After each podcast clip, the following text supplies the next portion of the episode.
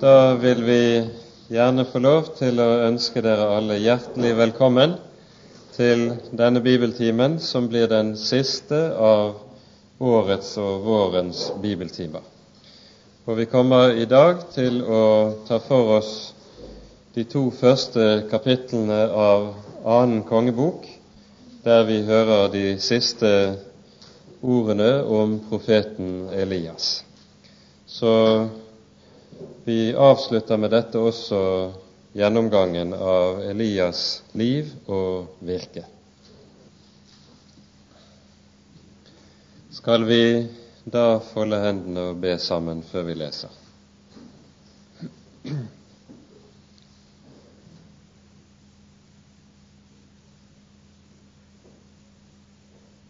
Kjære du, vår Herre, vår Gud og vår Far. Vi takker og lover deg at vi skal få komme sammen på ny om ditt dyre ord. Takk, Herre, at ved dette ditt ord åpenbarer du deg for oss, slik at vi kan få lære deg å kjenne. Ved dette ord rettferdiggjør du oss, helliggjør oss og bevarer oss for evigheten. Derfor ber vi deg, gode Far, at du vil gi oss nåde til å bevare Ordet i våre hjerter, og at vi alltid må få ha åpne ører til å lytte når du taler i ditt ord. Og frels oss så fra alle andre røster. Så ber vi deg, Herre, at du vil komme med din Hellige Ånd og være til stede iblant oss og åpenbare ordet for våre hjerter. Vær med min munn og min tanke, at det som er av deg, får lyde, og intet annet. Amen.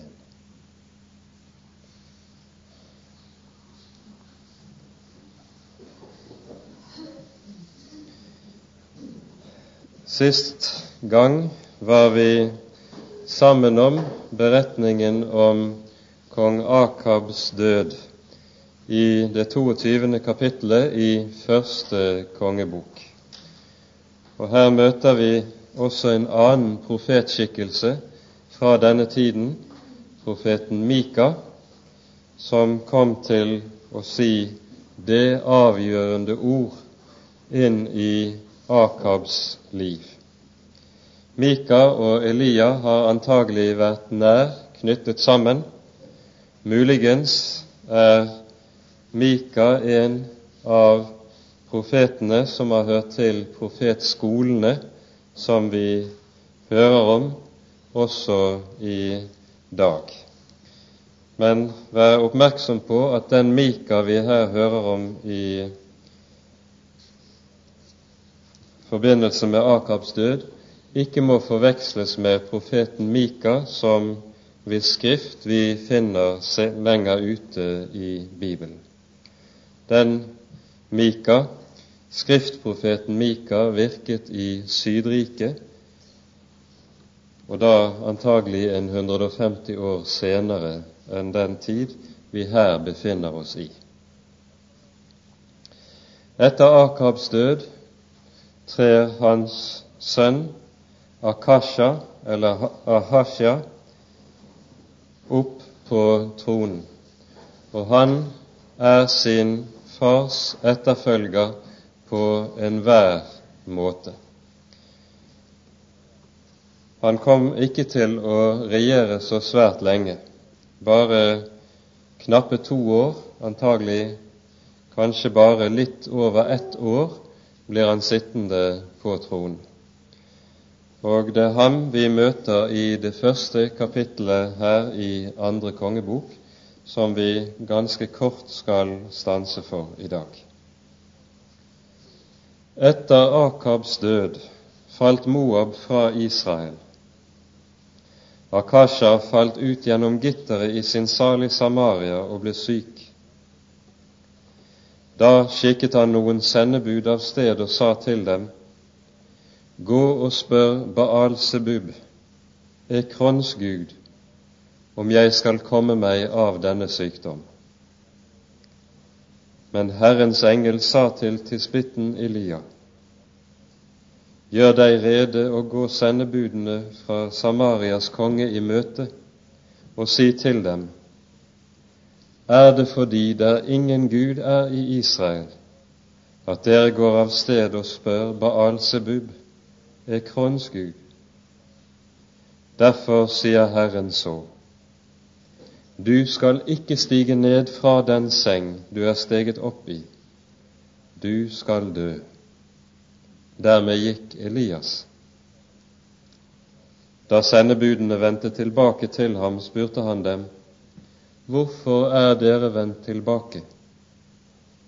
De svarte, En mann kom oss i møte og sa til oss, Gå tilbake til kongen som har sendt dere, og si til ham, Så sier Herren, er det fordi det er ingen Gud er i Israel, at du sender bud for å spørre Baal Sebub, Ekrons gud. Derfor skal du ikke stige ned fra den seng du er steget opp i. Du skal dø. Han spurte dem, Hvorledes så den mann ut som kom dere i møte og talte således til dere? Og de svarte, Det var en mann i en lodden kjortel med et lærbelte bundet om lendene. Da sa han, det var tisbitten Elias. Og han sendte til ham en høvedsmann over 50 med sine menn. Og han gikk opp til ham der han satt på toppen av fjellet, og han sa til ham, Du Guds mann, kongen sier, Kom ned. Men Elias svarte høvedsmannen over 50, Er jeg en Guds mann, så fare ild ned fra himmelen og fortære deg og dine femti menn. Da for der ild ned fra himmelen og fortærte ham og hans femti menn. Så sendte han til ham en annen høvedsmann over femti med sine menn, og han tok til orde og sa til ham, Du Guds mann, så sier kongen, kom straks ned men Elias svarte dem, Er jeg en Guds mann, så fare ild fra himmelen og fortære deg og dine femti mann. Da for Guds ild ned fra himmelen og fortærte ham og hans femti mann. Så sendte han igjen en tredje høvedsmann over femti med sine menn. Og denne tredje høvedsmann gikk opp til Elias og falt på kne for ham og bønnfalt ham og sa til ham, Du Guds mann, la mitt liv og disse dine femti tjeneres liv være dyrt i dine øyne.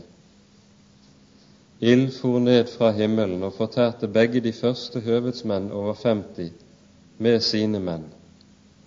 Men la nå mitt liv være dyrt i dine øyne. Da sa Herrens engel til Elias:" Gå ned med ham, og vær ikke redd ham. Så sto han opp og gikk med ham ned til kongen. Og han sa til ham, Så sier Herren, fordi du skikket sendebud og ville spørre Baalsebub, Ekrons gud, det, om der ingen gud var i Israel som du kunne spørre derom. Derfor skal du ikke stige ned fra den seng du er steget opp i du skal dø. Og han døde etter det Herrens ord som Elias hadde talt. Og Joram ble konge i hans sted, i Judas konge Jorams, Josafas sønns annet år. For han hadde ikke noen sønn. Hva som ellers er å fortelle om Akasha og det han gjorde, det er oppskrevet i Israels kongers krønike.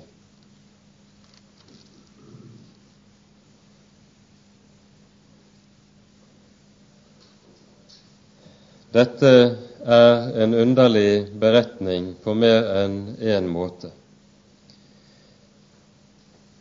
Og skal vi forstå den rett, så må det være slik at vi ser den i lys av hele Elias virke.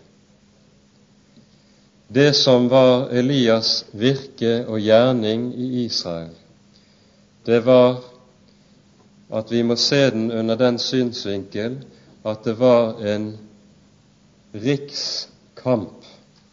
Det var en nasjonal strid om Israels hjerte.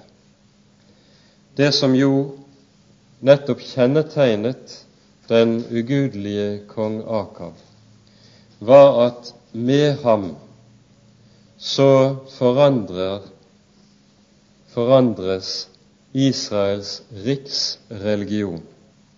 Frem til Akab trådte på tronen, så hadde Israel i hvert fall i navnet, om ikke i gavnet, holdt seg til Herren, Israels Gud. Men når Akab bestiger tronen sammen med Jesabel, så forandres rikets religion. Akab fører en meget målbevisst religionspolitikk der han vil erstatte Herren Israels Gud med Baal og Astarte, som er kananittenes og filisternes guder.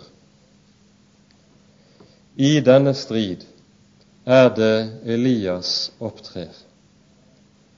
Og hele hans strid er en åndskamp som handler om Israels hjerte, og som så å si hele tiden befinner seg på riksplan. I liten utstrekning møter vi Elias som den som står overfor enkeltmennesket som sjelesørgeren, som tar seg av den enkelte i dennes nød, i dennes anfektelse, i dennes lidelser. Slik finner vi og møter vi derimot Eli, Elias etterfølger, profeten Elisa. Men Elias' kamp er først og sist en nasjonal kamp der spørsmålet hele tiden står der hvor det tilspisset seg under kampen på Karmel. Hvem er Gud, Baal eller Herren? Hvem skal være Israels Gud, Baal eller Herren? Dette er grunntemaet som går igjen gjennom hele Elias liv og så også i det avsnitt vi her står overfor. Akabs sønn Akasha etterfølger altså sin far i ett og alt. Han er like ugudelig som sin far.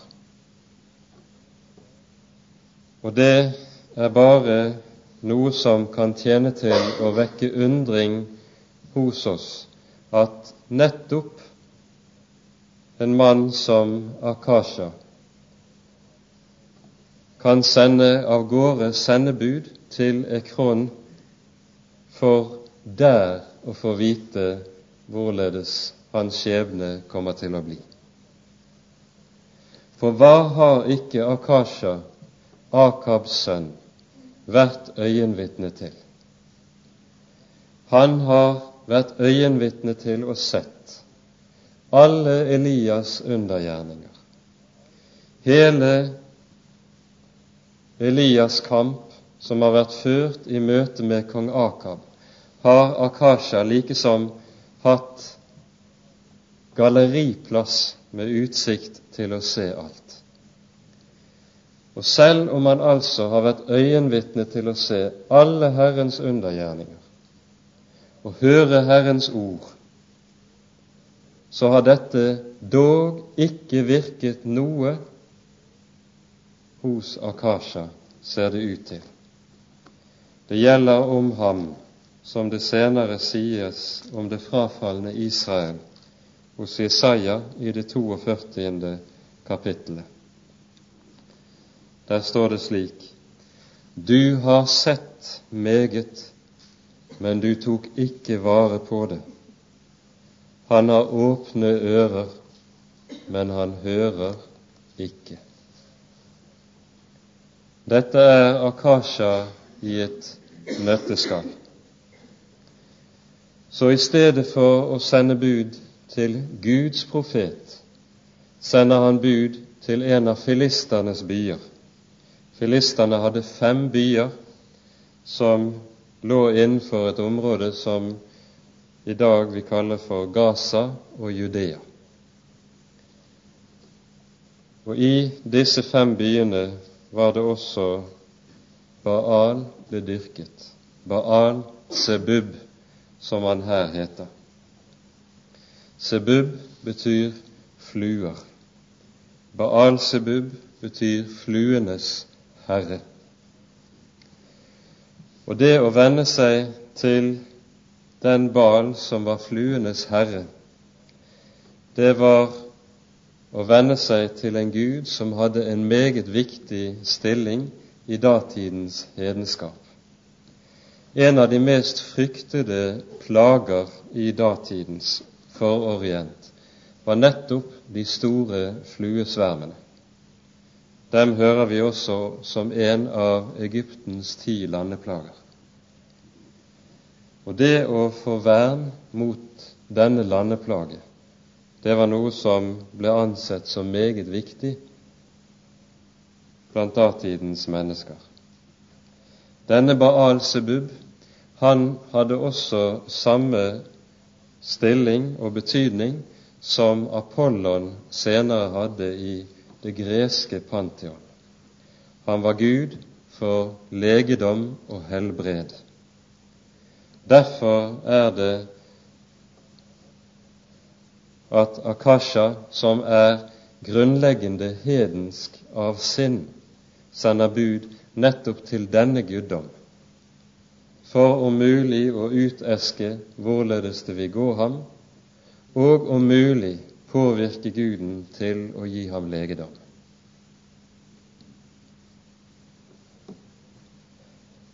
Elias møter sendebudene, offisielle sendemenn, med ordene Er det fordi der ingen Gud er i Israel, at dere går av sted og spør Baal Sebub, Ekrons Gud, og setter nettopp fingeren på det som er det ømme punkt.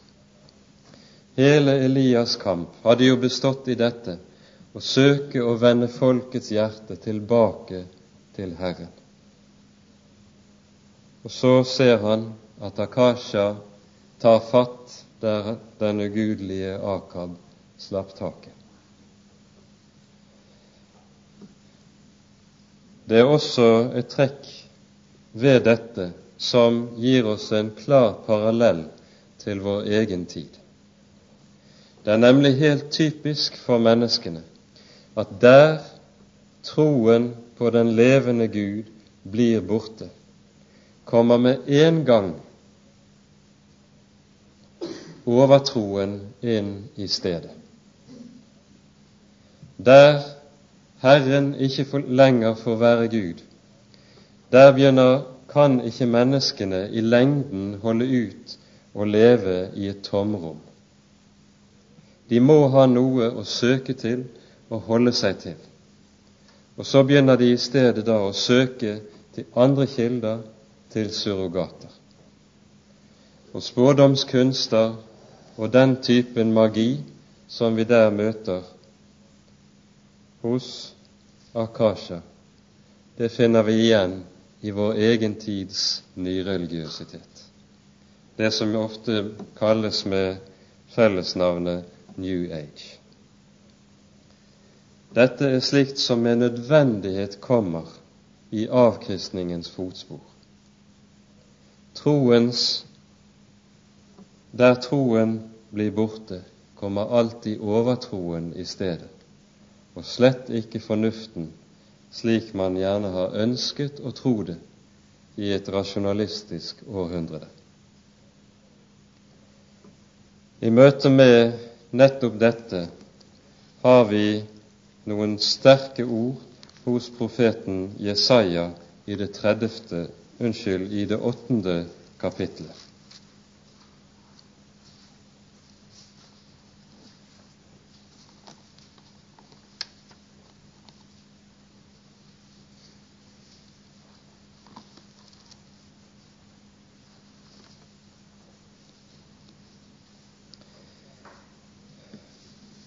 Jesaja står i Sydriket, oppe i en situasjon nokså lik den som Elias gjorde, sto i i Nordriket 150 år tidligere. Og vi leser om hvorledes Jesajas budskap blir forkastet og avvist av kongen i syd, hvorpå det lyder i vers 16 slik Bind vitnesbyrdet inn, forsegl ordet i mine disipler. De som hørte Herren til, skulle altså så å si binde Guds ord inn i sine hjerter for å ta vare på dem i disse hårde og vanskelige tider som nå kommer. Og så leser vi fra vers 18. Se, jeg og de barn Herren har gitt meg, er til tegn og forbilder i Israel fra Herren herskarenes Gud, som bor på Sions berg. Og når de sier til dere, søk til dødningemanerne og sannsigerne, som hvisker og mumler, da skal dere svare, skal ikke et folk søke til sin Gud? Skal en søke til de døde for de levende, til ordet og til vitnesbyrdet. Dersom de ikke sier så, det folk som ingen morgenrøde har, da skal de dra gjennom landet, hårdt plaget og hungrige. Og når de hungrer, så blir de harme og forbanner sin konge og sin Gud men de skal vende sine øyne mot det høye, og de skal se ned mot jorden, men se, det er trengsel og mørke, angstfullt mørke. De er støtt ut i natten. Vi skal legge merke til at i det som her sies, ligger der en åndelig dynamikk som er allmennmenneskelig. Oppover gjennom historien støter vi på ny og på ny på menneskene som sier vi vil gjøre oss fri. Vi vil gjøre oss fri fra Herren, fri fra Herrens ord. Og så kaster de like som Gud og Hans ord fra seg. Og så søker de til andre kilder for å få trøst, finne hjelp, finne lys inn over fremtiden. Søker til dødningemanene, til sandsigerne, til spåmennene, som hvisker og mumler, dvs. Si, som aldri taler tydelig, aldri taler klart, og derfor heller aldri kan gi reell hjelp. Og så skjer det at nettopp ved at de søker til disse andre kilder, fordi påskuddet for å fri seg fra Herren og Hans ord har jo alltid vært Når menneskene har sagt dette, så har de gjort det. Vi vil ha lys. Vi vil ha frihet. Og så blir følgende alltid det motsatte i stedet.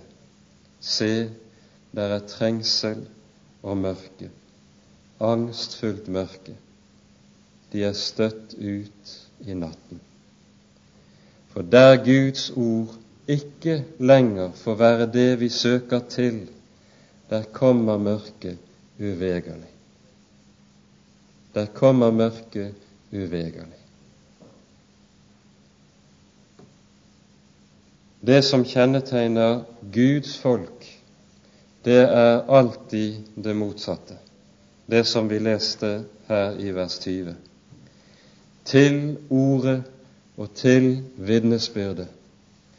Der har de sine kilder, for de vet at har de Herren som sin Gud, så er det kun i og dette ord de finner hjelp. Det er der de finner det nødvendige lys for veien, hvordan nå veien enn måtte gå og slynge seg i livet. Derfor er det også slik at når profeten Biliam skuer ut over Israel i ørkenen før Israel skal gå inn i det lovede land, så sier han disse ordene om folket, 4. Mosebok 23. kapittel, vers 23. Ikke finnes der trolldom i Jakob, og ikke spådomskunster i Israel. Når tiden er der, blir det sagt til Jakob og til Israel hva Gud vil gjøre. Kjennetegnet på Guds folk, til forskjell fra alle de andre folk, det er at de søker Guds ord, og de har Guds ord. De trenger ikke søke spåmenn, og skal heller ikke gjøre det. Det er brudd på det første budet. Dette er det altså Elias trer opp imot. Er det fordi det ingen Gud er i Israel, at dere skikker sendemenn til Ekron? Og så kunngjøres Guds dom over Akasha, som er forlengelsen av dommen over Akab. Han skal ikke stige opp fra sitt sykeleie, ikke bli hel av sin skade, for han har søkt til andre kilder som ikke kan lege. Så hører vi også Akashas reaksjon på det som da skjer. Og den er også ganske karakteristisk. I stedet for å bøye seg for Guds ord, og ta det til hjertet. Så blir han harm på Elias og sender en hel liten bataljon av soldater av sted for å arrestere ham. Og dette er ganske typisk at når mennesker gjør opprør mot Herren, så vil dette opprør alltid uttrykke seg slik at det viser seg i fiendskap mot de som forkynner Guds ord. Det er de som så å si får smake på kroppen fiendskapet mot Herren selv. Jesus sier senere om dette i Johannesevangeliet. En tjener er ikke større enn sin herre. Har de hatet meg, skal de også hate dere. Det å tale Guds ord, det innebærer derfor alltid å måtte være rede til å lide skjebne med dette ord. Og når mennesker gjør opprør mot Herren, så legger de Guds ords forkynnere for hat. Slik var det den gang, og slik er det i dag. Og ved dere når alle taler vel om dere. For således talte deres fedre om de falske profeter før dere. Det å være vel likt hører aldri med som et kjennetegn på den som forkynner Guds ord i sannhet.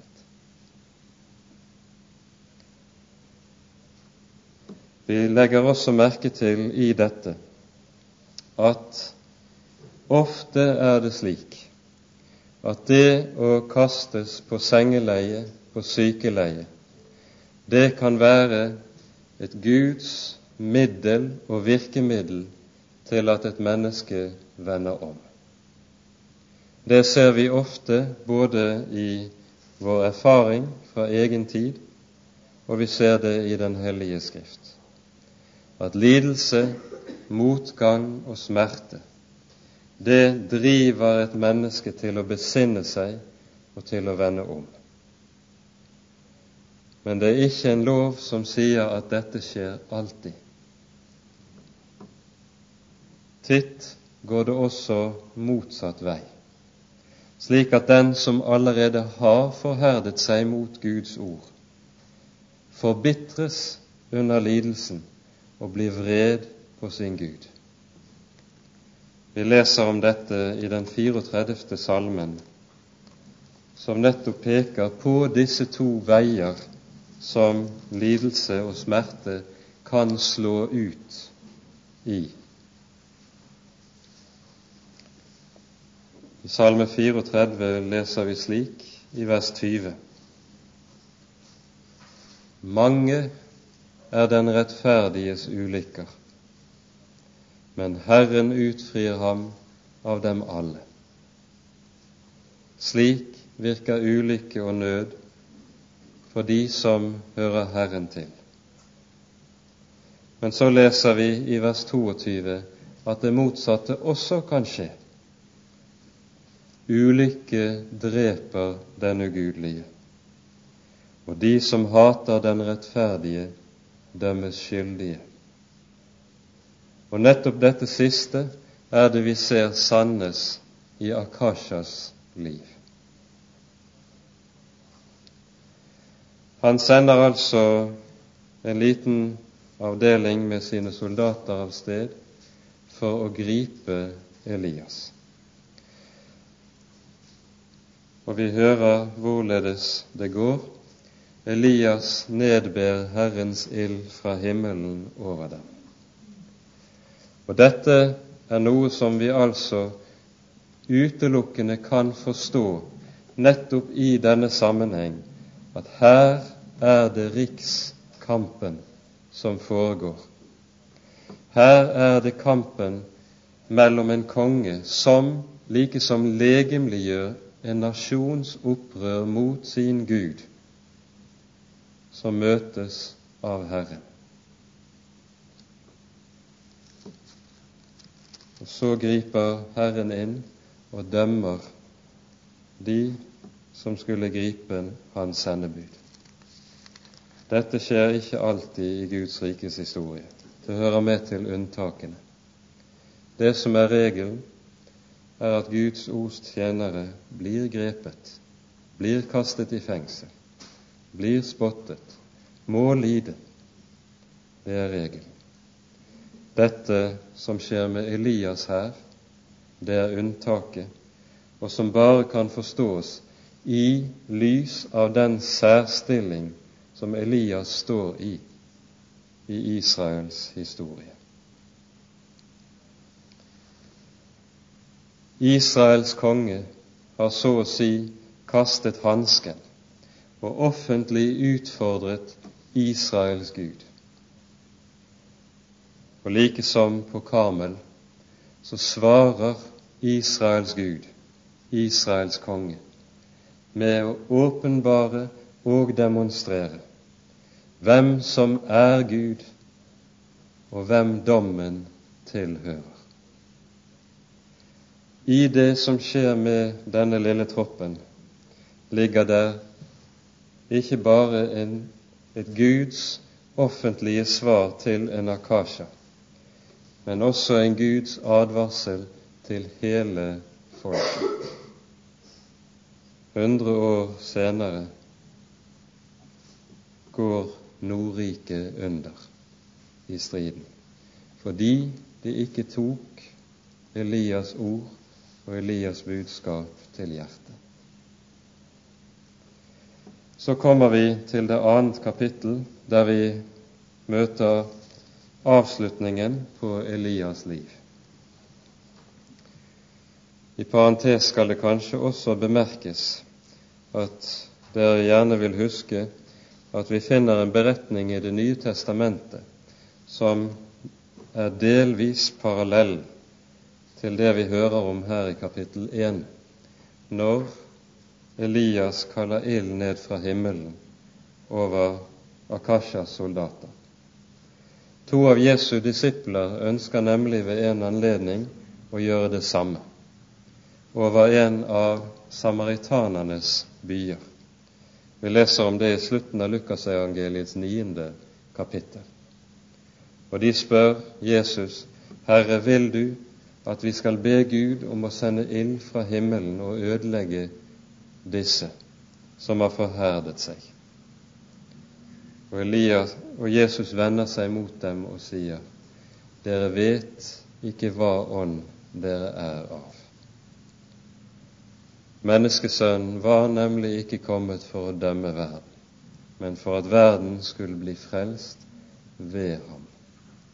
Derfor hører den slags domsgjerninger ikke hans disipler til. Dommen kommer i hans time, når han kommer igjen for annen gang. Den nye pakts tjenere skal ikke kjennetegnes av dette som vi ser kjennetegnet Elia her. Da leser vi ifra det annet kapittel.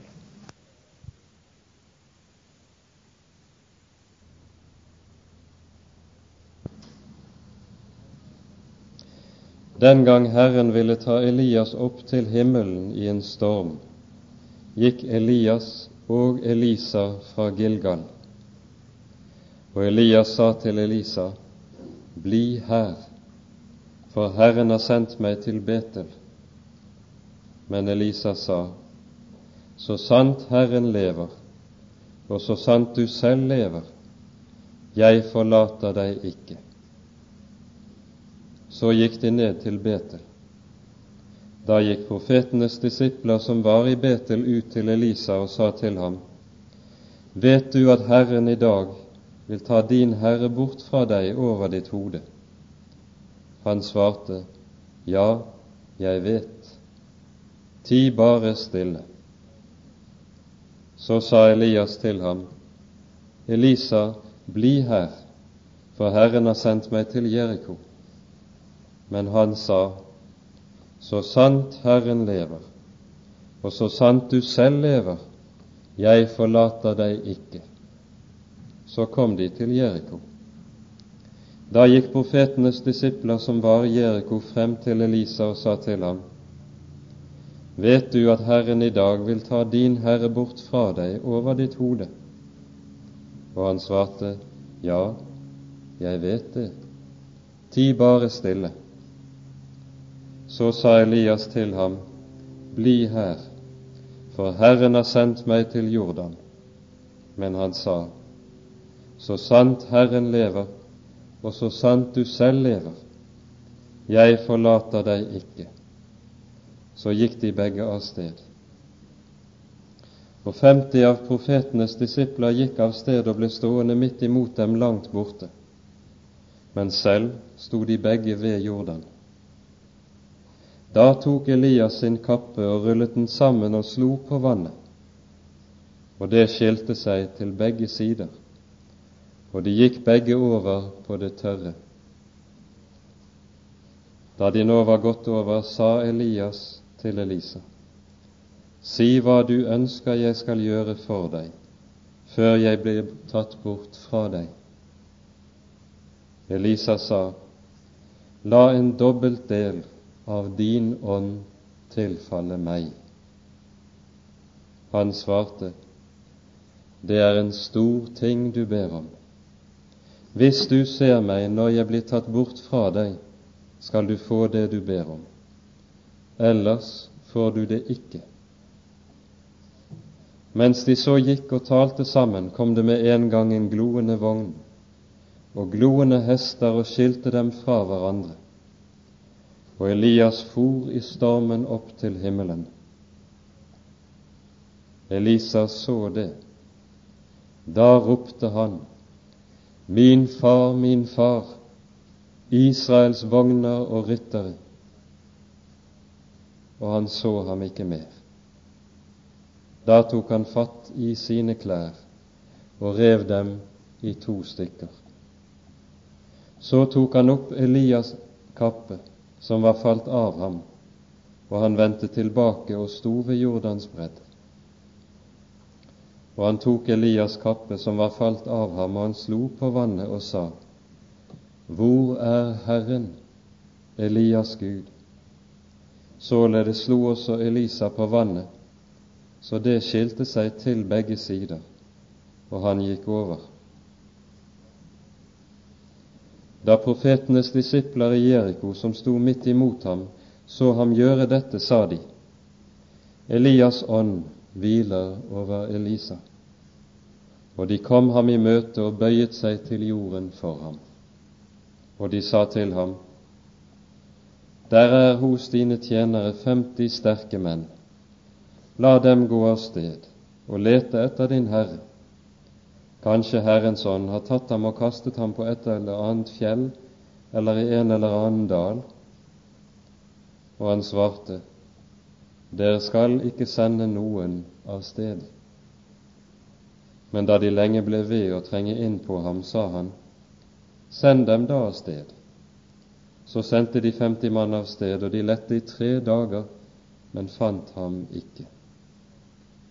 Og de vendte tilbake til ham mens han ennå oppholdt seg i Jeriko. Og han sa til dem, Sa jeg ikke til dere at dere ikke skulle gå?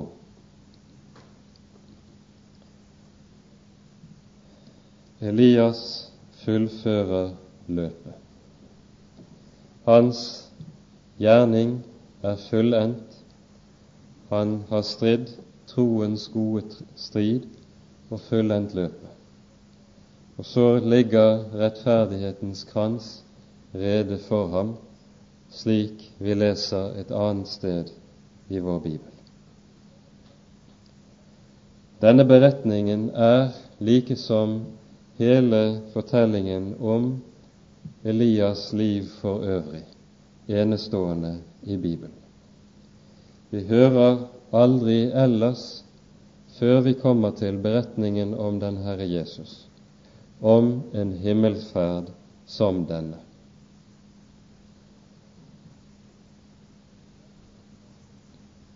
Derfor er det også slik at i denne himmelferd som vi her møter, finner vi et forbilde på det som skal komme, det som ligger foran. Det er tydelig i det vi her leser, at vi, vi møter jo dette som vi har kalt profetskolene i de tre byene der Elias og Elisa går sammen.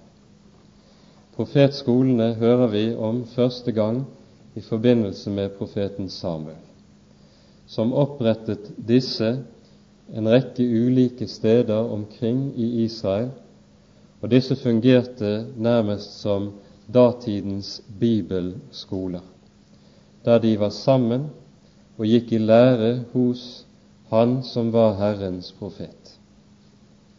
Elisa, Elias unnskyld, har antagelig gjenreist disse, og har som utgangspunkt i denne gjenreisning hatt noen av de 7000 som ikke hadde bøyet kne for Baal.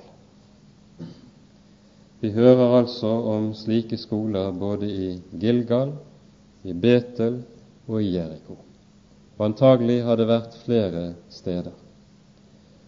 Når Elias nå drar av gårde og besøker disse tre steder, så er det antagelig for å si sine venner farvel og gi dem et siste vitnesbyrd og formaning fra Guds ord før han skilles fra dem. Og alle, ser vi, er innforstått med hva som skal skje. Hvorledes de er det, det vet vi ikke, og det bryr Skriften seg ikke om å fortelle. Men sammen med Elias går altså Elisa. Og på ny og på ny hører vi Elias si til sin følgesvenn, Bli her, for Herren har sendt meg. Vi kan undre oss over hvorfor Elias taler slik til Elisa. I dette ligger det nemlig en prøve. Det som var Elisas kall, det var nemlig nettopp å følge Elias. Følge ham like til enden. Og spørsmålet og det han stilles overfor i dette, vil han så følge profeten, også det siste stykket. Ingen av de andre i profetskolene følger, ser vi. De blir stående på farstand for å se. Og i dette prøves altså Elisa i dette som var nettopp kallet hans, om han ville følge. Og Elisa vet meget godt hva som er hans kall, og han sverger det høytidelig. Så sant Herren lever, og så sant du selv lever. Her minnes vi om Jesu ord Jeg lever, og dere skal leve. De to ting henger sammen i Skriften. Slik sverger han, og slik følger han Elias like frem. I spørsmålet som disse profetdisiplene stiller til Elisa, vet du i dag, så er Elisa meget tilbakeholdende. Hos profetdisiplene i profetskolene møter vi en sterk grad av åndelig umodenhet. Og som åndelig umodenhet ofte ytrer seg, så også her.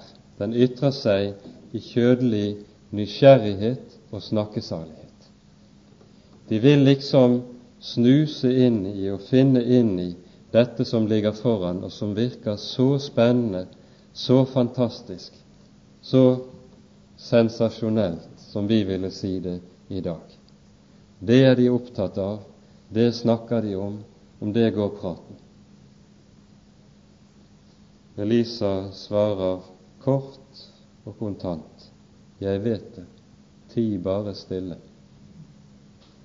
Den slags løst og halvåndelig snakk vil han ikke vite noe av. Og vi skal også vite å holde oss tilbake fra slikt. Dette kjødelige og umodne sinn hos profetdisiplene er det vi møter igjen etter at Elias er skilt fra Elisa. De tenker nemlig at han bare like som er rykket bort opp i luften for en stund, og så kastet bort på fjellene, som vi hører om.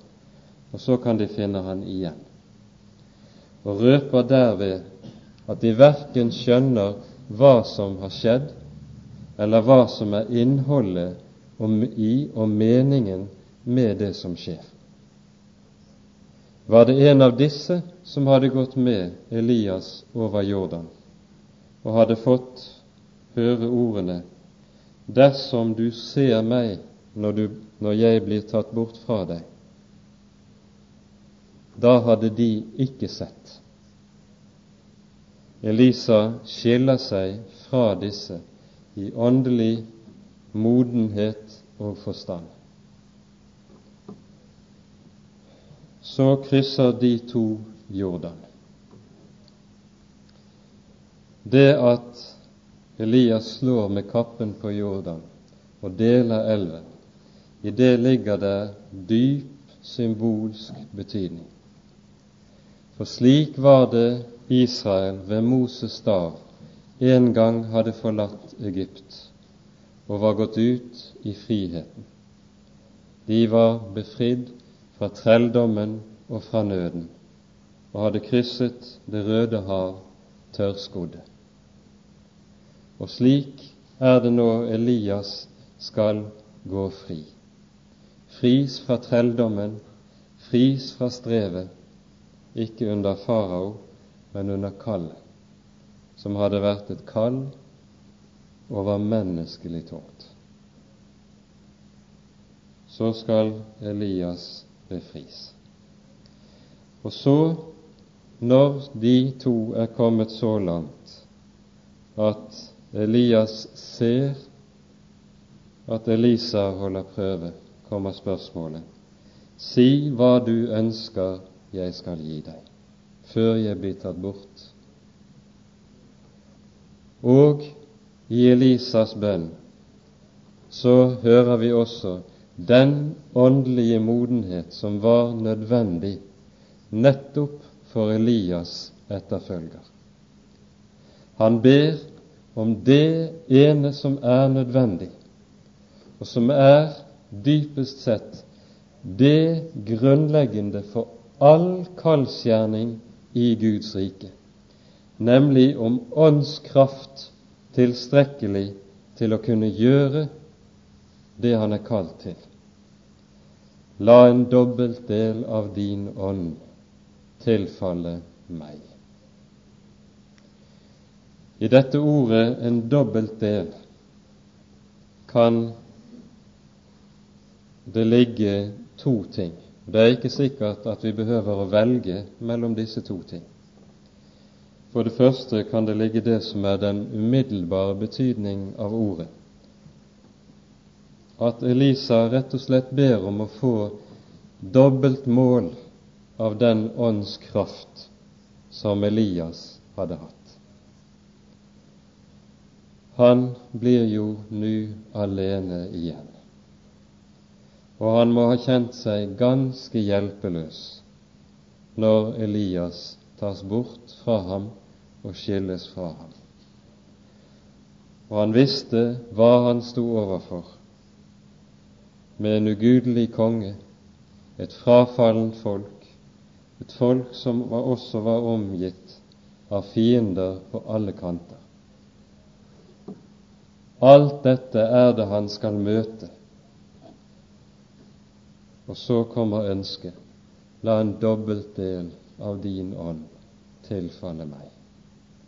Han trengte sannelig en dobbelt del.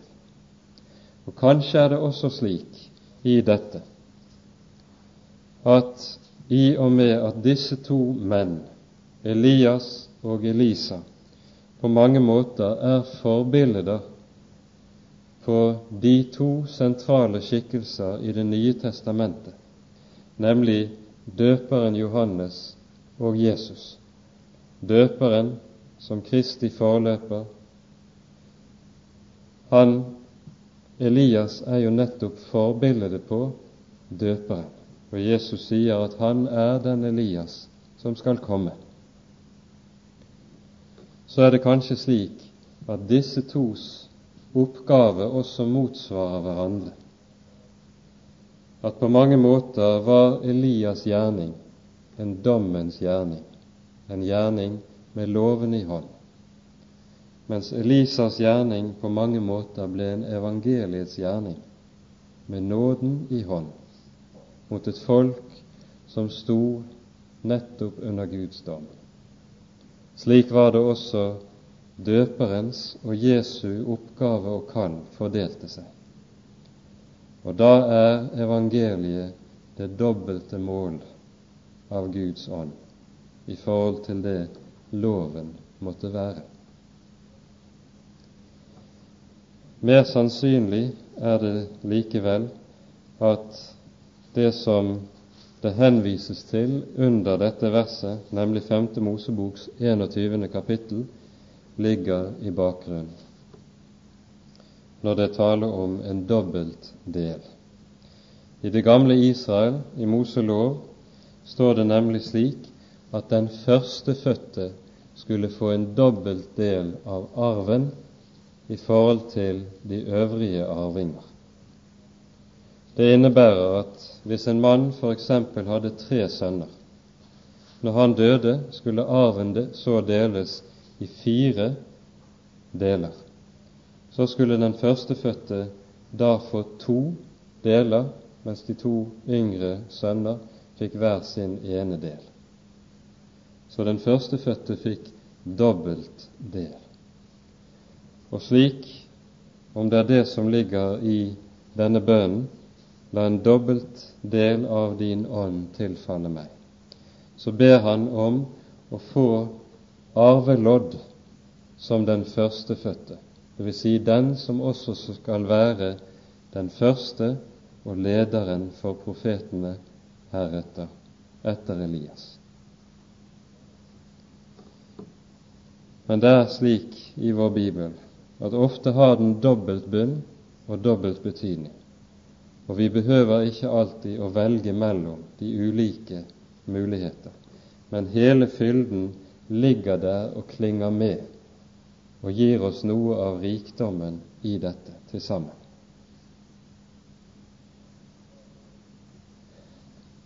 Svaret Elisa får, er klart. Det er en stor ting du ber om. Det kan også oversettes det er en vanskelig eller tung ting du ber om. Det innebærer at det står ikke til Elias å gi Elisa det han her ber om. Dette er det bare Herren selv som kan gi. Og Herren vil gi det om Elisa, som det står, ser. Om han ser. Til det er løftet knyttet. Og i det ligger også at vi ser at Elisa har den åndelige modenhet som det kreves for å gå inn i Elias' fotspor. Mens de så gikk og talte sammen, kom det med en gang en gloende vogn og gloende hester og skilte dem fra hverandre. Og Elias for opp i stormen til himmelen. Den gloende vogn og de gloende hester, det er i Skriften bildet på Guds nærvær hos Jesaja leser vi slik i det 66. kapittel i vers 15. For se, Herren skal komme med ild, og hans vogner skal være som en stormvind, for å gjengjelde med sin vrede i glødende brann, med sin trussel i ildsluer. Slik farer Herren frem, så å si, i vogner av ild. Og dermed gis det til kjenne at det er Herren selv, Elias Gud, som bøyer seg ned og henter sin trofaste tjener. Så hører vi Elias så det. Da ropte han, Min far, min far, Israels vogner og ryttere. Hva er det som ligger i dette?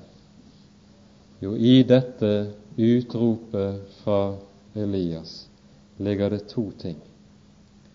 For det første hører vi Elisa kalle Elias far. Min far. Og vi skjønner at med en fars omsorg har Elias tatt seg av Elisa og oppdratt ham for Guds rike oppdratt ham for tjenesten. Elias møter vi ellers som den veldige, den sterke, den som nesten står der som en mur av jern. Men vi skjønner av Elisas ord her at i omsorgen for Elisa har Elias rettelig vært en far med hjerte. Men så hører vi videre min far, Israels vogner og ryttere. Dette er ikke bare et utrop der Elisa gir uttrykk for hva han ser i det Elias blir tatt bort fra ham. Men det er uttrykk for erkjennelse av hvem Elias er, og hva han har betydd med sitt nærvær i folket. Det er nemlig slik at med Elias som nærværende i Guds folk har Israel hatt sitt egentlige vern og sitt egentlige forsvar. Alle kongens vogner, stridsvogner, ryttere og hester hadde ikke hjulpet Israel det aller ringeste uten at de hadde hatt Elias, den Guds mann. Det var han som var det, var det egentlige vern for folket. Og slik er det alltid og gjennom alle tider at den som har Guds ord og bærer Guds ord til Guds folk, det er den som er folkets virkelige vern i faren. For ved dette ord, ved det budskap som en Elias bærer frem, vernes de mot det onde og slik også vernes de mot alle andre fiender. Derfor sannes det her vil Gud ikke være bygningsmann med fåfengt på huset bygger?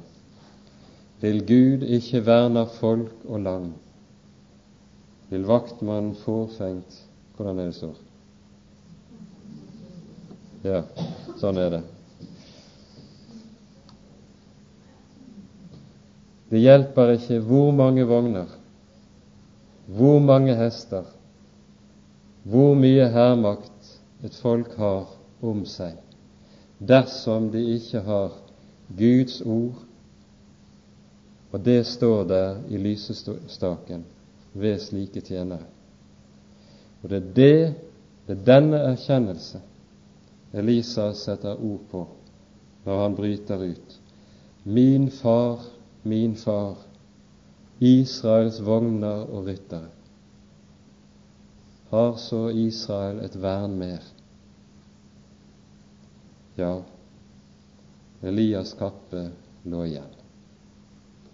Så tar Elisa den opp, og ved at han deler elven som Elias hadde gjort, stadfestes det at Elias' ånd hviler over Elisa. Og Israel har fortsatt et vern. Meningen med denne historien er også, og det skal vi minne hverandre om, at den peker frem mot den dagen Herren kommer igjen, når Han åpenbarer seg i ild og kommer ned fra himmelen med overengelens røst og basunens røst.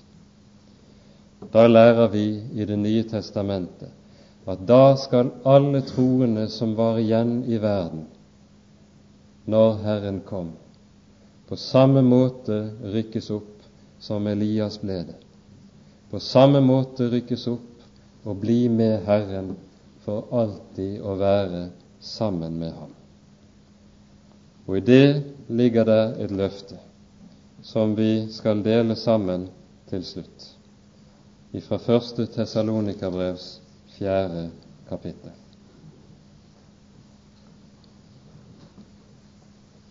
Vi leser fra vers 13 av.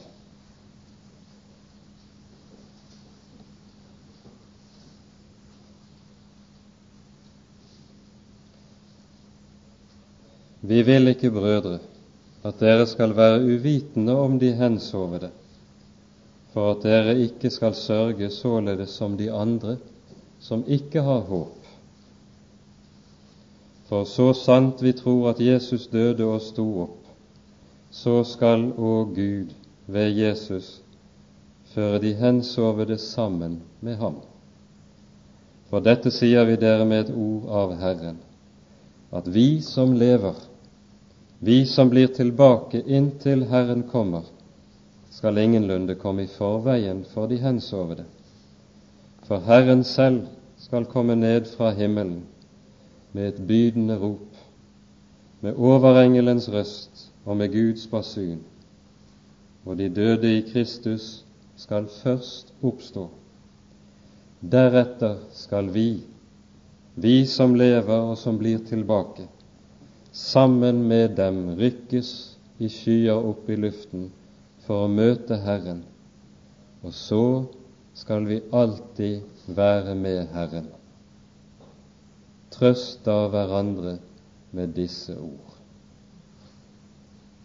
Så ligger der i beretningen om Elia et fingerpek frem mot den siste dag, når Herren kommer tilbake. Trøst av hverandre med disse ord. Amen.